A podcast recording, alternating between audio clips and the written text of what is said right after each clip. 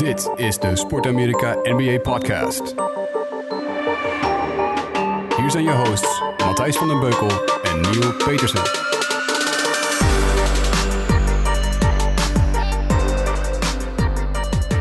Yes, we zijn er weer. We hebben wederom een enerverende NBA-week gehad. En uh, daar gaan we het weer uitgebreid over hebben. Uh, met Neil Petersen.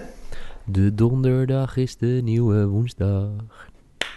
De donderdag is de nieuwe woensdag. Allemaal. De donderdag, is de nieuwe, woensdag. Ja, Potjan Dikkie. Weer niet, hè? Nou, we komen wel dichterbij. Vorige week hebben we op vrijdag opgenomen, nu op donderdag. Dus waarschijnlijk volgende week op woensdag de NBA-podcast. Nu had ik geen beurs gisteren, dus waarom konden we eigenlijk niet opnemen gisteren? Wil je het echt weten? Ik wil het echt weten. Ja, ik heb het namelijk heel stil gehouden. En meestal als iemand iets heel stil houdt, dan? Uh, was je jarig? Heel goed. Echt? Tyfus, waarom zeg je dat niet gewoon? Ja, omdat ik er 0,0 aandacht aan heb willen schenken.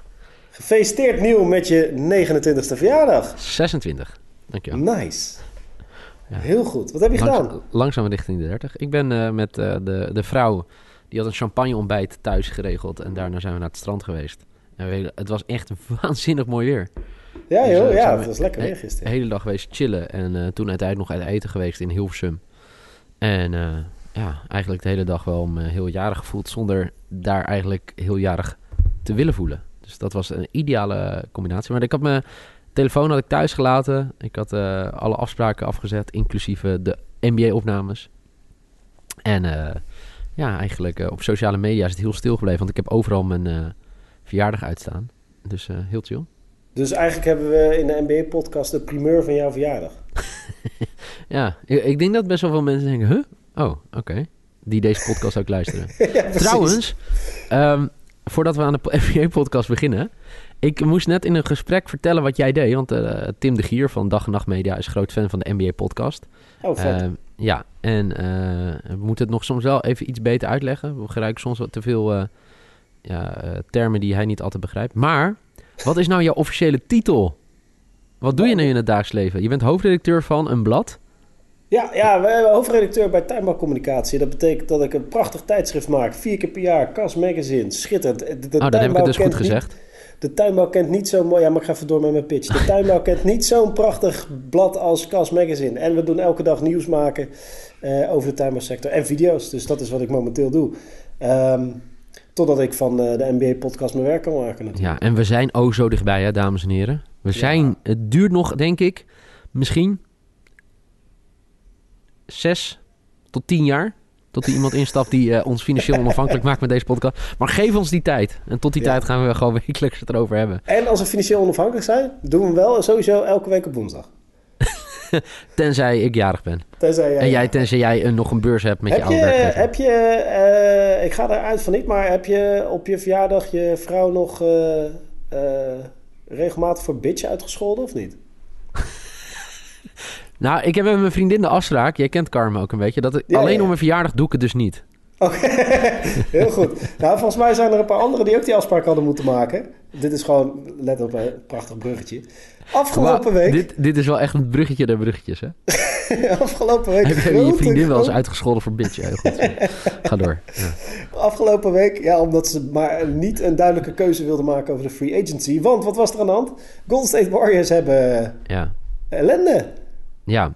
Ik ben um, een beetje in de war. Voordat we het gaan hebben over de straf, uh, wat er precies gebeurde. Als we ja. naar basketbal technisch kijken. Hè? Mm -hmm. Ze speelden tegen de Clippers. Clippers namen een schot. En uiteindelijk kwam de bal tussen Kevin Durant en Draymond Green. Ja. Toch? Voor de ja. rebound. En uh, vervolgens uh, rent, Dray rent Draymond Green met... De bal er vandoor. Worden, wordt er door de Warriors geen time-out genomen. Staat nee. Durant met zijn hand omhoog. Geef mij die bal. Want, nou ja, ik, ik ben Kevin schieten. Durant. ik heb wel eens vaker zo'n schot in de laatste minuut genomen. Of in de laatste seconde genomen. Waarmee een wedstrijd gewonnen werd. En, um, maar Green besloot in daar... in plaats van hem te passen naar Durant... besloot Green dat het veel beter was... als hij gewoon de bal zou kwijtraken... door hem lullig tegen zijn eigen been aan te dribbelen. Uh, waardoor de wedstrijd gelijk eindigde. Het overtime werd. Uh, daar ging Durant... Uh, werd Durant faalde out. Hij had zes persoonlijke ja. fouten, dus hij moest eruit. En verloor ondanks een uitstekende Clay Thompson verloren de Warriors uh, de wedstrijd tegen de Clippers. Die overigens gewoon hartstikke goed bezig zijn de laatste week. Um, dat sowieso, ja. Dat was de aanleiding voor de crisis. Uh, ja. Of laten we zeggen de oorzaak van de crisis. Maar de, de, of nee, de aanleiding. Maar de oorzaak van de crisis ligt wat dieper. Want uh, volgens mij hebben de, heeft Green vervolgens, ondanks dat Green de domme fout maakte om die bal als een debiel keihard over de middenlijn te dribbelen en kwijt te raken, heeft hij uh, vervolgens Durant heel vaak een bitch genoemd in de kleedkamer. En ja. uh, ook ge gesproken over het feit dat Durant maar geen duidelijke keuze wil. geen duidelijke stelling inneemt over zijn free agency na het einde van dit seizoen. Mm -hmm. En ja, ik denk dat Green gewoon dacht: laat ik nu eens keihard de waarheid zeggen tegen Durant, waar iedereen bij is. En dit gewoon escaleren, zodat we uiteindelijk op een punt komen waar we, waar we weer verder kunnen. Nou, Ja. dat punt werd niet bereikt. Het punt wat bereikt werd, is dat Green geschorst werd voor één wedstrijd door eh, de Warriors zelf. eh, zonder betaling. Dus dat betekent dat hij 120.000 dollar misloopt. Nou, dat, eh, ik, mis, ik mis weinig wedstrijden van de Stars. Maar als ik er eentje mis, dan kost me dat geen 120.000 dollar. Ehm, dus ja, dat, dat is helemaal de pan uit geëscaleerd, zoals ze zeggen. Ja, behoorlijk. En nu is de vraag, wat gaan wij doen? Ik zie dat veel Warriors, zoals Clay Thompson eh, en ook eh, Green, eh, proberen te downplayen. En ehm, eigenlijk zeggen van ja joh, aan het eind van het seizoen dan is dit gewoon een incidentje. En Thompson zei, "Thi- thi- this will be... This will be in the past like a ponytail. Wat wel weer een typisch Thompsoniaanse Ja, metafoor is. Maar ehm, Kevin Durant wilde er weinig over zeggen. ja, en dat zegt misschien al wel weer genoeg. Toch? Eh, belangrijker, eh, er is niet gevochten, er is niet geslagen. Spelers hebben amper opgestaan vanuit hun plek, als we de, hè, de, de bronnen binnen het team mogen geloven. Er is wat geschel, eh, gescholden naar elkaar. Bitch, bitch, bitch. Uiteindelijk wordt Raymond Green één wedstrijd geschorst. Laten we het daar eerst over hebben. Snap je die schorsing en ben je het ermee eens? Nou ja, de Warriors nemen duidelijk stelling voor Durant. Ik kan me voorstellen dat ze dat doen om. Volgens mij Steve Kerr heeft hier eh, een belangrijke, veel invloed op deze beslissing. Dus, eh, en Steve Kerr is een vrij eh, wijze, verstandige man die goed nadenkt over wat hij doet. Mhm. Dus of Kerr vond dat het gewoon als incident aan zich gerechtvaardigd was om Green te schorsen. Want je scheldt je teamgenoot niet uit en je, je, je doet niet wat je doet, wat Green heeft gedaan. Eh, of het is een signaal naar Durant toe. Maar dat zou wel heel opportunistisch zijn. Dus dat ze gezegd hebben, kijk, wij kiezen jouw kant. En wat verwachten wij dat jij in de zomer onze kant kiest. Ja, want dat is natuurlijk waar iedereen zich eigenlijk druk over maakt op dit moment. Toch? Ja. Zo kan ik het wel zeggen. Ehm, Is dit al een voorbode voor komende zomer? Kevin Durant is natuurlijk eh, eh, free agent dan. Ja. Ehm, ja, hij heeft het een beetje in het midden gelaten tot nu toe. Hij heeft zich nog niet definitief uitgesproken daarover, toch? Nou ja, daar irriteert Green zich aan. En ik denk ook een hoop andere teamgenoten. En dat Green gewoon degene is die dat dan zegt. Ja. Maar hoe moeten we daarmee omgaan? Of we, hoe moet jij daarmee omgaan als... Hoe moet ik ermee omgaan? Nou Ja. ja, eigenlijk... ehm, eh, ik lees vooral op de A- A- Athletic heeft een hoop artikelen geschreven over deze Wat situatie. een goede site, hè, trouwens. Ja, het is een hele goede site. En die zeiden... eh, die, da- daar wordt vooral gezegd, eh, geschreven door insiders van... Ja, nee, dit, dit is waarschijnlijk... De kans is zeer aannemelijk dat dit incident het begin van het einde van de dynastie is. Als dit team bij elkaar zou kunnen blijven nog twee, drie jaar... eh, stel, Durant die, die, die, die schrijft zich weer in bij... die, die gaat weer contributie betalen bij de Warriors volgend jaar. Dan ehm, heb je gewoon een dynasty die misschien wel vijf, zes kampioenschappen achter elkaar zou kunnen winnen, potentieel. Eh, maar dit geeft gewoon aan, dit incident is eh, voor een aantal insiders eh, het begin van het einde. En een goede kans dat bijvoorbeeld Durant vertrekt na dit seizoen. Naar misschien wel de Clippers. Dat zou natuurlijk helemaal ironisch zijn. Zodat hij eh, het andere team in LA eh, daar de koning van wordt. Tegenover dat wel- LeBron. Ja, New York las ik ook wel dingen over, toch? New York, maar eh, dat is wel echt een slechte organisatie. Dus dan moet Ja. je wel heel erg graag willen. Ehm, maar ja, verder, kijk, basketbaltechnisch is er gewoon geen enkele reden waarom welke van deze spelers dan ook ergens Weg anders zou willen kijken dan bij de Warriors, toch? Ja, nee, inderdaad. Maar eh, dit, ja, dit zou een incident. Misschien dat de Warriors nu wel zeggen: ja, luister, Green, eh, we hebben elk jaar wel weer een, eh, een, eh, een incident zoals deze, eh, of je laat weer eens een keer je piemel zien eh, op Snapchat. Weet je wat we doen? We, eh, we gaan jou traden of... eh, Want weet je wat het grappig is? Wij hebben het voor mij vorig jaar... ehm, was het net na free agency of misschien was het begin van dit seizoen over gehad. Wat zou nou eventueel mis kunnen gaan met het allersterkste NBA-team van de afgelopen vijf jaar? Hè? Ja. Er kan niks meer gaan. Toen zeiden wij, Boogie Cousins, die komt erbij. Misschien gaat hij er wel voor zorgen hè, dat de dynamiek binnen het team verstoord wordt. Het opvallende nu aan deze hele zaak is, is dat er twee gasten zijn die al langer daar met z'n tweeën samenspelen. Ja. Dus dat het helemaal geen externe factoren zijn geweest van mensen die erbij zijn gekomen.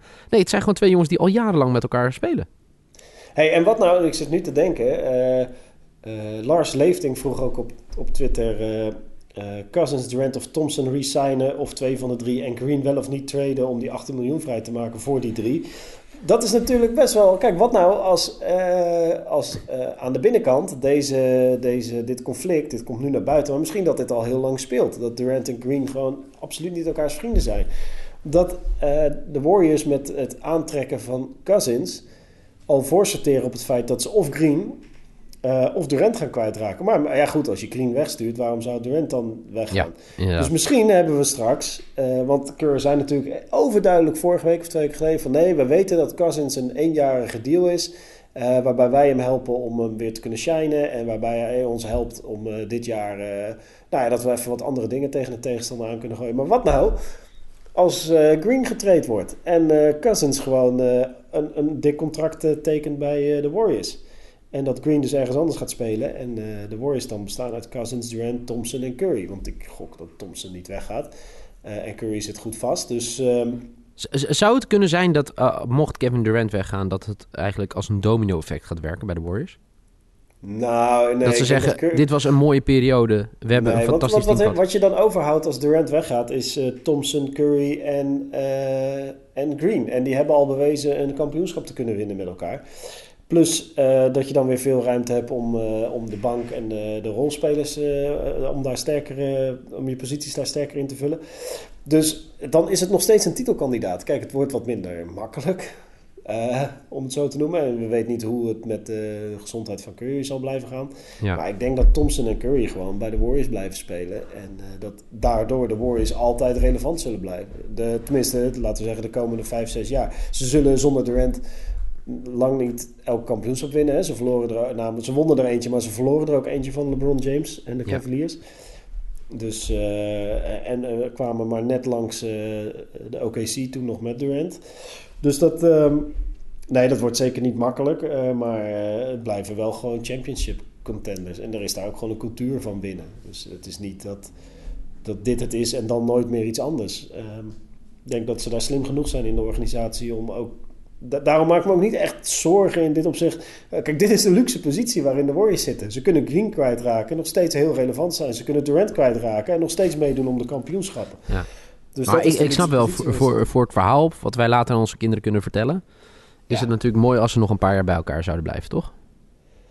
Ja, dat zou ik heel fantastisch vinden. Overigens, we kregen ook een tweet over eh, Durant van ehm, eh, Rip City Fans. Een Nederlands account dat eh, eh, speciaal over Portland Trailblazers twittert. Ze bestaan denk ik nog niet zo lang. Ze hebben nu vier tweets, dus dat valt, nou, valt ik denk mee. dat... maar... Ook, ik dacht vier volgers. Ik denk, daar nee, moeten we nee, snel nee, wat... nee, ze hebben al twee volgers. Dus Rip City Fans, en blijkbaar net gestart account voor Portland Trailblazer tof. Volgers in Nederland. En die vragen: zorgt de aankomende free agency van Durant voor een negatief effect bij de Warriors? Nou, daar hebben we het net al een beetje over gehad. Kijk, het kan wel dit seizoen kan het natuurlijk wel een stempel drukken. En dat doet het nu eigenlijk al met deze situatie. Omdat we weten dat dit conflict eh, onder andere verergerd is doordat Green over die free agency begon.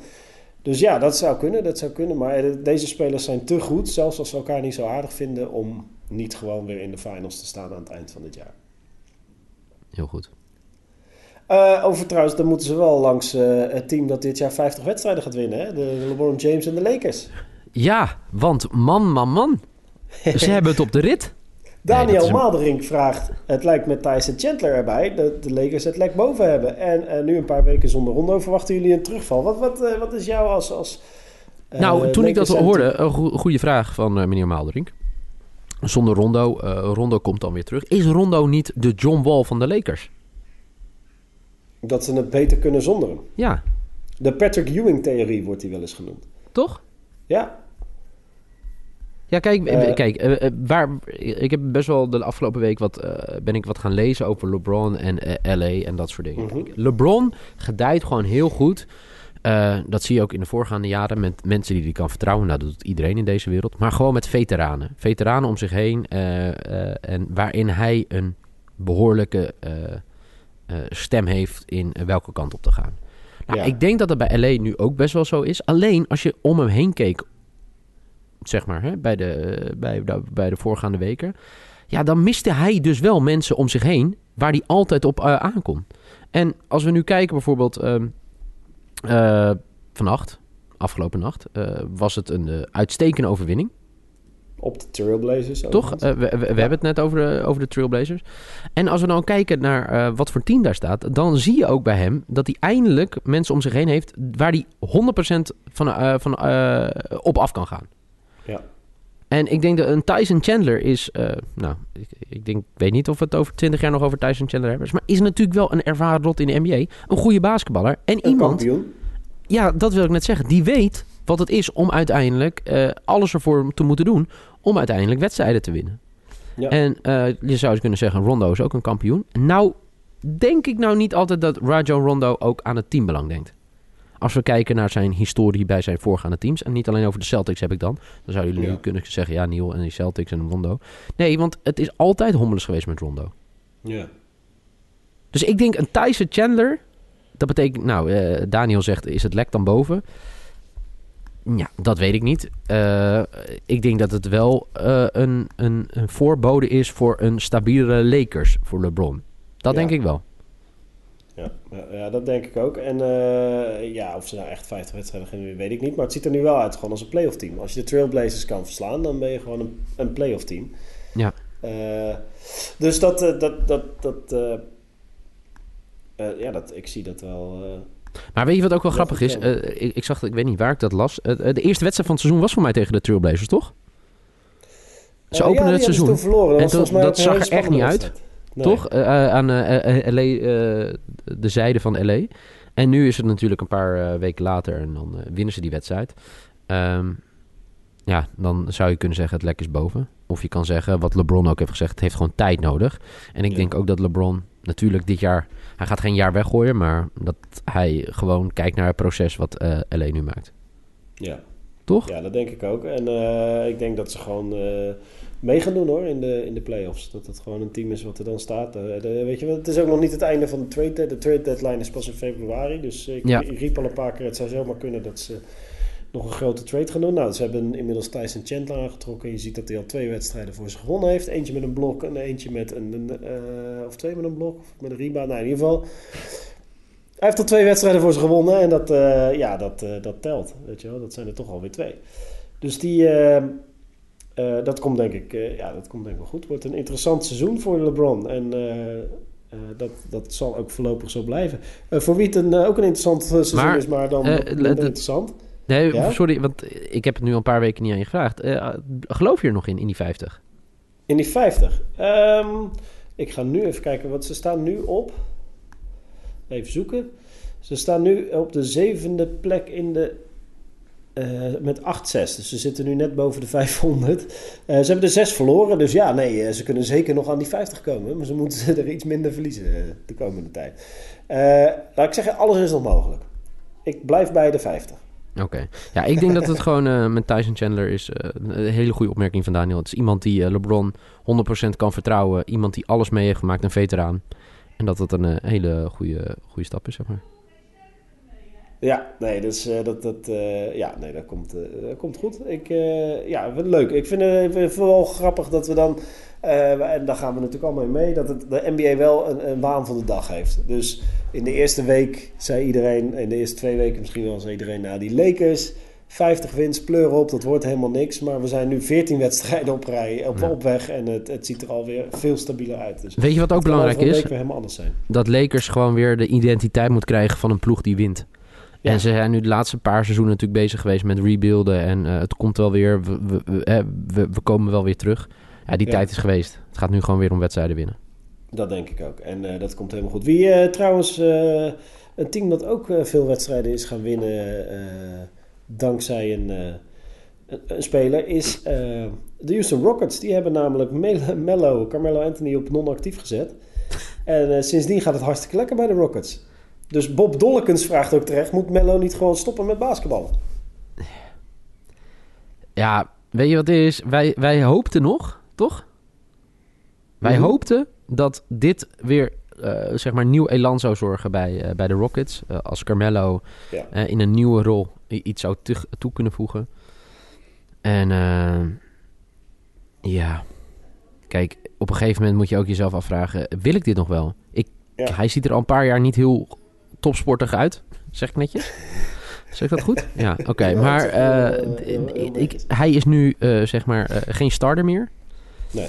Ja, met iemand met zijn potentie en iemand hoe, hoe goed hij kon basketballen, lijkt me dat. Dat je op een gegeven moment moet zeggen, ja. Het was, het was mooi. Ik heb een, een leuke carrière gehad. Ik heb er waarschijnlijk nooit uitgehaald wat erin zat.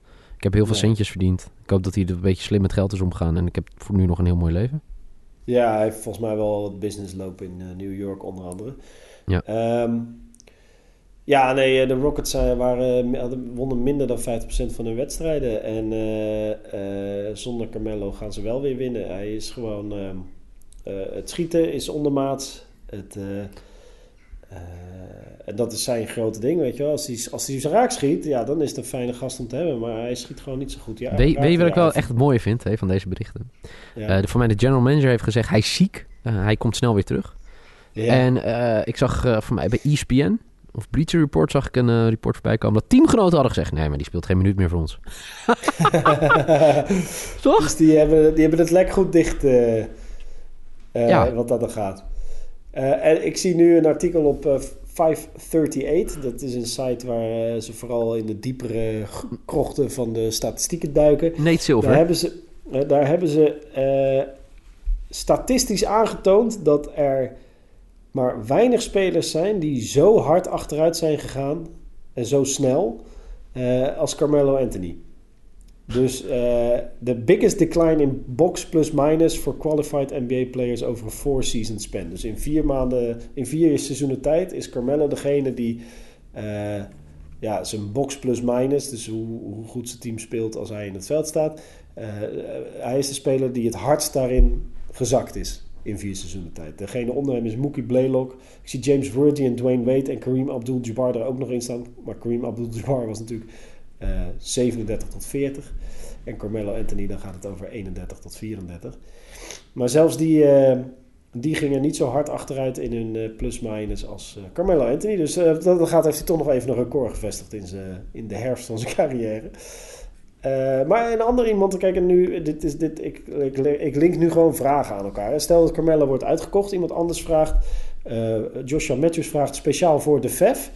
Eh, wat hebben de Bucks nodig om een champion contender te worden? Want de Bucks zijn sinds dit seizoen het favoriete team van eh podcastlegende en FC afkikken-icoon Jordi de Amali. Ja. Jordi Amali. En eh, wat hebben ze nodig om championship contender te worden? vind wel mooi hoe jij... Jij zegt Jordi, hè? Zullen we hem ook Ja. gewoon nu Jordi Jamali noemen? Oh, is dat, wordt hij dan boos of niet? Nee, helemaal niet. Maar ik noem hem altijd Jordi. Maar ik vind Oh. het eigenlijk wel mooi dat je Jordi Jamali noemt. Jordi Jamali. Ehm, maar wat nou als Carmelo uitgekocht wordt en hij wordt... eh, Ja, want dat hij is er even nog, hè. Er zijn wel wat teams geïnteresseerd in hem. De Lakers, de Warriors en de Nets. En China als opties voor eh, Carmelo Anthony. Nou, China is cashen. Maar wat nou als de Bucks hem overnemen? De Bucks Ja, maar die, eh, waarom zou je zo iemand binnenhalen? Ja, ja, dat is de goede vraag. Omdat je toch nog ho- hoopt ergens dat hij in de juiste omstandigheden... Het is een beetje... Weet je, je hebt wel eens van die, van die vrouwen die altijd op zoek zijn naar gemankeerde mannen. Die ze dan kunnen gaan redden. Weet je wel, die ze kunnen gaan veranderen. Ja, het is, het is een bad guy, het is een beetje giftig in de relatie, maar ik kan hem veranderen. En ik heb het idee dat sommige NBA-teams ook zo redeneren. Nu zou ik inderdaad, als ik de Bucks was, echt nog niet met een vlagstok eh, eh, in de buurt komen van eh, Carmelo Anthony. Ik zou hem zo ver mogelijk, ik weet niet waarom ik vlagstok zei, maar ik zou zo ver mogelijk weg proberen te houden van je organisatie. Want het lijkt me. Maar goed, de Warriors zeggen ook, kijk, en die doen wel vaker gekke dingen. Eh, de Lakers daarvan, nou ja, die zagen we wel een beetje aankomen. Maar de Warriors, eh, ehm, Ja, nee, ja, als je nog meer gif wil in je organisatie, dan moet je dat vooral doen. Maar eh, dan maak ik me meer zorgen over het kampioenschap. Als, ik maak me meer zorgen over een potentiële aanschaf van Carmelo Anthony dan over de ruzie tussen Durant en Green. Maar dat tezijde. Dat denk ik dus ook. Ja. maar eh, om, om even terug te komen op die vraag van eh, Joshua Matthews. Wat, wat zouden de Bucks moeten doen om een championship contender te zijn? Ik vraag me af, zijn ze het niet gewoon al vanuit Dat die zijn ze toch? Staan, ja, ze staan netjes tweede. En eh eh, Giannis Antetokounmpo heeft een breakout season wederom. En is niet te stoppen door wie dan ook. Dat ze hebben de Warriors verslagen. Dus dat, ze hebben wel laatst verloren van Memphis. Maar ja, op een gegeven moment... Ja. je moet ook... Wat ik denk dat- de Clippers hebben ze verloren. Waarom eh Jordi Jamali op eh, de juiste bandwagon is gesprongen, is dat zij eh, met Mike Budenholzer, voor mij heeft hij Duits bloed, heb ik ooit ergens gelezen, dus ik ga hem voortaan ook Mike Budenholzer noemen. De Ja. coach van de Bucks hebben ze gewoon een hele goede, goede aankoop gedaan. Naast het team, hè. ze hebben natuurlijk wel wat versterking al bij gehad, waar we de vorige keer over hebben gehad. Hè. Eh, Waaronder Brook Lopez. Ehm, dat eh, Mike Budenholzer ervoor gezorgd heeft, is dat hij dit jaar, waar we het voor mij in de podcast van vorige week ook even hebben gehad, die jongens schieten gewoon. Die blijven schieten. Ja. En gunnen elkaar de bal, maar vooral de blijven schieten. En eh, ik denk dat dat het he- eh, belangrijkste is. Als er ballen niet ingingen in het verleden, werd er getwijfeld. Voor mij kunnen we het ook nog terugzien in de, in de playoffs tegen de Celtics. Hè? Dat Mhm. op een gegeven moment het schot niet liep. En liep, liepen de Bucks nu niet. Nu loopt het schot misschien soms ook niet. Maar Mike Budenholzer, zijn thema is blijf schieten. En eh, ik denk dat dat tot nu toe eh, heel goed heeft uitgepakt. Sterker nog, ik denk dat zij eh, gaan strijden na 14 wedstrijden. Jawel, hij zegt het. Om de titel in de Eastern Conference. Ja, Ja, maar denk je niet dat de Celtics nog een run gaan maken? kijk, de Celtics heb ik gezegd. Na kerst kom ik bij terug met al jullie vragen over de Celtics. Nee, nee, natuurlijk niet. Maar ik bedoel meer, de Bucks hebben het gewoon goed elkaar. Zijn goed begonnen, eh, geloven in Staat elkaar. als een huis. Ja, en eh, ik denk dat dat voornamelijk komt door Mike Budenholzer. Eh, Toronto gaat ook lekker, maar een, een Eastern Conference Finals tussen de Raptors en... Shout-out Remco. Rem, eh, shout-out naar Remco.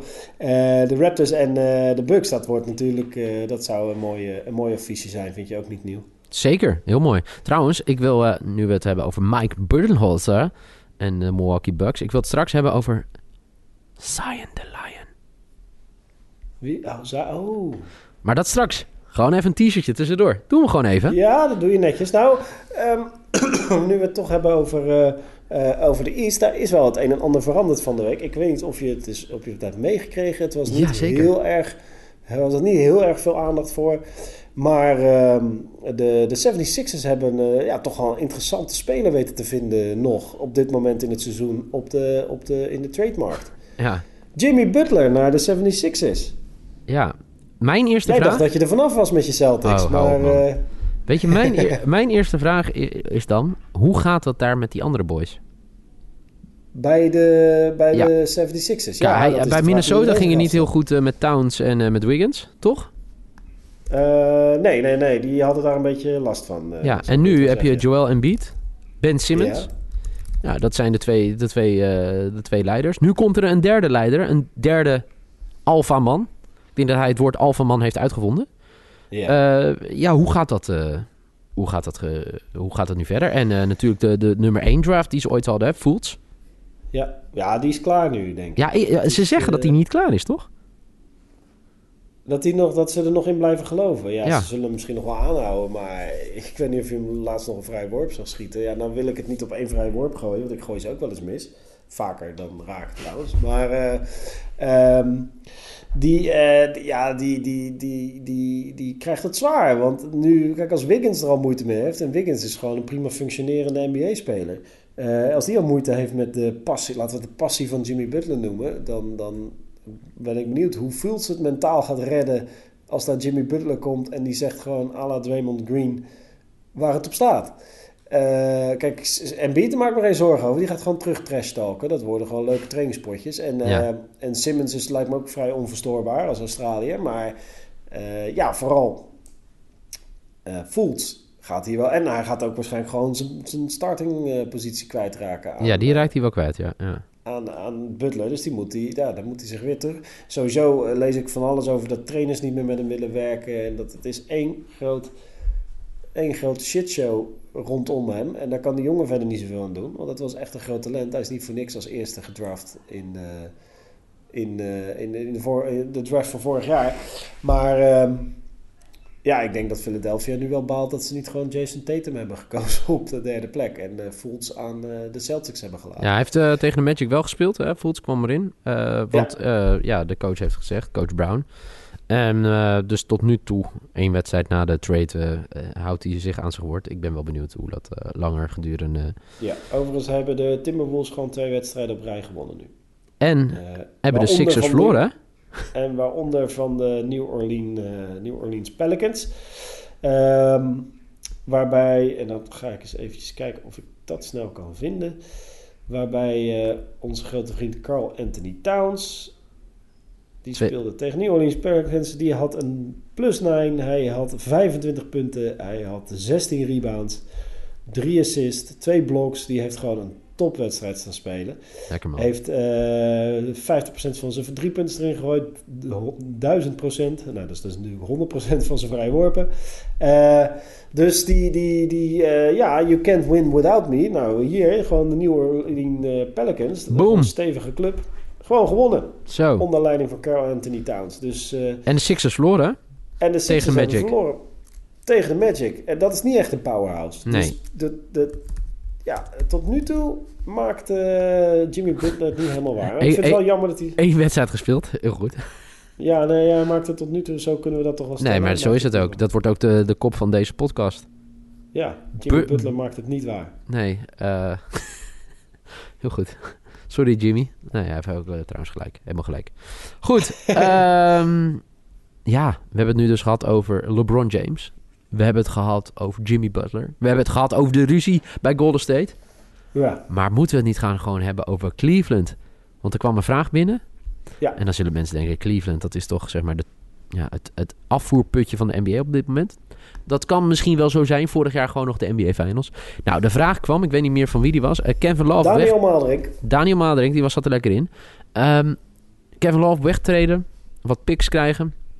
En tanken voor Zion, the Lion. Zo. lekker man. Uh, ja, nou, die Zion is lekker bezig hè, bij uh, Duke. Ja, voor de uh, mensen waar we het over hebben. Zion Williamson, freshman bij Duke. Duke. En het mooie is dat Duke met heel veel freshmen speelt. Sowieso ja. hebben ze, dat was voor mij voor het eerst in de historie... Um, de eerste, tweede en derde recruits gehad van het land die naar dezelfde universiteit gingen. Barrett en Reddish, als ik het goed heb. Verexcuseer mij als ik het niet goed uitspreek. Maar Barrett en Reddish zijn ook naar Duke gegaan. Maar het gaat natuurlijk om Zion Williamson. mensen, dat vind ik wel mooi. We moeten altijd oppassen om mensen niet te snel op te hemelen. Nou, dat gaat bij deze persoon redelijk rapido. Aangezien iedereen al een mening over hem heeft. Dus ja. Kevin Durant noemde hem... Dit is ook al pijnlijk Hè, dat er is gewoon once in a generation athlete. Dus Mhm. mm -hmm. iedereen die uit zijn bouwjaar komt, voor mij komt hij uit, wat was het? 2000? Hij is nu 18. Zoiets, ja. Ja, ja. Dus maakt niet uit. Hij is de atleet van die generatie. Dat is ja. hij nu al. Hij heeft nog niet in de NBA gespeeld. Maar uh, ja. Steve Kerr zei, uh, ik dacht dat ze van LeBron James maar één hadden gemaakt. Ja, maar kijk, hou op. is het nog één. Dus uh, ja, die krijgt een hoop veer in zijn reet. Ja. En, uh, en speelt ook goed bij Duke. En die Barrett ook. Je zou zomaar kunnen hebben dat het de eerste twee, misschien wel drie draft picks van komend seizoen... Uh, alle drie bij, of alle twee in ieder geval bij Duke vandaan komen. En staan de Cleveland Cavaliers dan weer eens een keer op de eerste plek als het gaat om de Zo. draftpositie. Nou, even serieus. Moeten zij dat niet gewoon doen? Uh, ja, dat zou uh, niet gek zijn, maar ze zijn niet de enige. Er zijn er meer die natuurlijk in de running zijn, uh, die, die, die graag en Zion willen of, of Barrett. En die, die, die, dus ja, het wordt, dat wordt ook nog best wel een interessante race to the bottom, zullen we maar zeggen. Want nu maak je overigens niet zo heel veel. Uh, de, volgens mij zijn de percentages anders dit jaar. Dus als je laatste wordt, maak je wat minder kans. Is dat nu nog steeds zo? Volgens mij uh, is, dat nu, uh, is dat dit jaar voor het eerst aangepast. Maar goed, als je onderaan staat, maak je nog steeds wel de meeste kans op de eerste pick in de draft. En dus op Zion Williamson. En dat, eh, ja, dat, kan wel eens, eh, dat kan wel eens interessant worden. Overigens heeft eh, Cleveland heeft in 2003 hadden ze de eerste pick. Toen hebben ze LeBron James gekozen. In 2011 hadden ze de eerste pick. Toen hebben ze Kyrie Irving gekozen. Tot nu toe weinig kritiek. Ja. In 2013 hadden ze de eerste pick. Toen hebben ze Anthony Bennett gekozen. En er is een soort stroming geweest die heeft geprobeerd van Carl Anthony Towns om zijn die als bijnaam te geven Carl Anthony Bennett. Maar dat lijkt me wel erg hard. En in 2014, nu we het toch over de Timberwolves hebben. In 2014 werd Andrew Wiggins gekozen met de eerste pick. En vervolgens getrade voor Love naar, eh, naar de Minnesota Timberwolves. Dus het zou wel weer ironisch zijn als Cleveland nu Love weer doortreedt om weer een eerste pick terug te krijgen. Eh, door middel van tanken. Maar uh, ja, nee, ja, tuurlijk. Uh, Love is. Volgens mij zijn er wel gewoon meer wat ongelukkig bij de Cavaliers. Zoals Kyle Korver, die beloofd was: als LeBron gaat, dan mag jij ook gaan. En Kyle Korver speelt nog steeds in een oranje-blauw tenuutje van de Cleveland Cavaliers. ja. Maar ja, die. die, die het zou geen onverstandig besluit zijn om te, te gaan voor uh, rock bottom en dan te kijken wat je in de draft kan ophalen. Want dit is het ook net niet. Maar dus... um, ik, ik zou iedereen voor uh, die zegt, uh, waarom zit niemand zo raar te fluisteren? Zion the Lion. Ik zou zeggen, kijk even wat, wat clipjes van hem terug bij Duke. college, college basketbal is nu weer begonnen. En, of high school clips. Maar ga je dan echt ook, want ik heb ook al eens die clipjes gekeken en ik heb weinig nou, maar, keren ja? Zion the Lion gefluisterd. ja, maar dan moet je toch echt beter kijken. Ik durf te zweren als jij nu gaat kijken en ja. je denkt, wow, wat een basketbal. En je hoort Zion the Lion. En je denkt, jezus, wat is Zion the Lion toch goed. En dat je de volgende keer, als je het er gewoon tegen teamgenoten... Hebben jullie, uh, kijken jullie een beetje uh, college basketbal? Uh, nee, zo. Nou, je moet echt een keer naar Zion the Lion gaan kijken. Goed. Overigens, ik, wil, ik, vind dit, ik vind drafts, dat, dit vind ik het mooiste aan drafts. In het jaar dat Anthony Bennett als eerste werd gekozen door de Cavaliers, uh, werd als tweede gekozen Victor Oladipo, als derde Otto Porter. Uh, ik zie daar CJ McCollum staan op plek 10, Steven Adams op plek 12, Kelly Olynyk op plek 13, Giannis Antetokounmpo op plek 15. Dus laten we zeggen dat uh, Rudy Gobert op plek 27. Laten we zeggen dat de, de Cavaliers daar misschien ook iets andere keuzes hadden kunnen maken dan Anthony Bennett op plek 1. Anyway, uh, Cleveland, ja, lekker tanken. Het interesseert me nou gereed, de Cavaliers. Dit vind nee. ik zo'n niet interessant team op dit moment. Zo en, is het. Uh, wat ik, weet je wel, wat veel... We hebben het nog niet eens gehad over bijvoorbeeld de, de Dallas Mavericks... die vannacht met 50 punten verschil gewonnen hebben van de Utah Jazz. Toch ook geen slecht team. En, Sterker nog, de Utah. Jazz hebben eerder van de week van de Celtics gewonnen. Ja, dus, dus kun je nagaan wat de Dallas Mavericks de Celtics gaan aandoen. Wat, wat, is, eigenlijk, wat is eigenlijk een laagste record qua punten? Weet jij dat? Het laagste? Ja, nee, maar ik heb dat denk ik uh, zo gevonden. Lowest 68 punten hadden we het over afgelopen nacht. Utah Jazz. Dat kwam mede doordat je dacht, nou, als je in de derde kwart 13 punten scoort is niet veel. Het vierde kwart, jawel, 9 punten. Het, de laagste score ooit uh, is de Fort Wayne Pistons tegen de Minneapolis Lakers in 1950. Dat werd um, sensationele uitslag van 19 tegen 18. Wow. Dus laten we zeggen dat we sinds de jaren 50 wel wat omhoog zijn gegaan. In 1918? Ja, ik ga even kijken. Maar stortte toen de, de, de hal in of zo? Nee, ik denk dat ze gewoon geen 24 seconden klok hadden. En in de, de, de top 50, de, de eerste paar bestaan vooral uit wedstrijden uit 1946, 47, 52. Ik ga even kijken waar een beetje modern, uh, wat nieuwer, vijf, uh, jeetje. Het is wel de ergste nederlaag van Utah, Utah Jazz, sinds Jazz in Utah is, zeg maar. Daarvoor zaten ze nou, natuurlijk ja. in New Orleans. Ja, uh, ja dus het is de ergste nederlaag. Uh, modern. NBA history, want dit is alleen maar van voor de jaren 60. Fewest points in een NBA game, ja, dan zitten we dan Ja, dat wordt, het wordt lastig. Maar ik zie hier 61 Indiana at Cleveland in uh, 1994. Uh, 49, 49, punten. Chicago versus Miami, april, uh, 10 april in 1999. Dus het kan nog wel erger, maar niet heel veel erger. eh. Heel goed. Dus dat, uh, Volgende uh, keer gaan we daar ook weer aandacht schenken aan, de, aan dit soort dingen. Zullen we dat afspreken? Ja, want het is wel interessant, hè? Maar dan moeten we dat even voorbereiden. Dat is sowieso, weet je wel, als we eenmaal uitgekocht worden en financieel onafhankelijk worden gemaakt, Lekker, dan, man. eh, dan bereiden we ons ook gewoon goed voor eh, om op woensdag dit soort eh, geinige lijstjes te maken. Want dit is wel wat de NBA natuurlijk gewoon, die, die rijke historie aan rare uitslagen, rare situaties, dat is alleen maar fantastisch.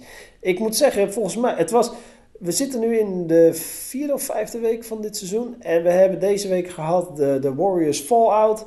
We hebben gehad de, de Butler trade naar, naar, eh, eh, naar de 76ers. Dus gewoon kortom, we hebben gewoon weer een week waarin er allerlei spektakel gebeurt. Dus ik moet zeggen dat ik blij ben dat de NBA een beetje meedenkt met onze podcast. Shout-out voor de mannen in Amerika. Dat jullie ook aan eh, ons hier in Nederland denken. Thanks Matthijs. Moet jij niet zingend deze podcast verlaten? Ehm, jazeker. Ik wil onze luisteraars bedanken voor het luisteren. En als je nu denkt, wat een vette podcast en wat kan Niel goed zingen, dan zit jij nou te beatboxen? Ja, ik dacht misschien gaat dat... nou, oké. Ah man, dit is wel echt eh, Dit is echt heel slecht. Excuses, cringe, cringe-worthy. Nou goed, Ah, anyway. excuses eh, voor deze vind je laatste dit- minuten. Vind je het een leuke podcast en eh, zeg je, nou doet zingen maar niet meer, maar die NBA, eh eh, oude hoeren over de NBA vinden we fantastisch. Doe even en delen met je vrienden, delen op je social media. Gooi even wat ratings in iTunes of waar je dit dan ook luistert. Dat waarderen we enorm. Ehm, en schrijf je toevallig voor de VPRO, dan mag je echt nog zeker wel een tweede recensie schrijven. Maar eh, nee, we vinden het hartstikke leuk. Het is gewoon tof dat gewoon mensen luisteren, vragen stellen. En eh, eh, dat we op deze manier gewoon een klein beetje bijdragen aan de NBA community in Nederland. Wauw, Toch nieuw? prachtig gesproken. Volgende week woensdag zijn we er weer met een nieuwe NBA podcast. Wo- Dan de echte woensdag. Excuses voor... altijd. Zo is het, jongen. Thanks Matthijs. En Ja, tot volgende week. we gaan er weer iets moois van maken. en ik ben, we benieuwd, spreken elkaar. ik ben benieuwd wat je ervan van vindt, hè? Tot volgende week, jongen.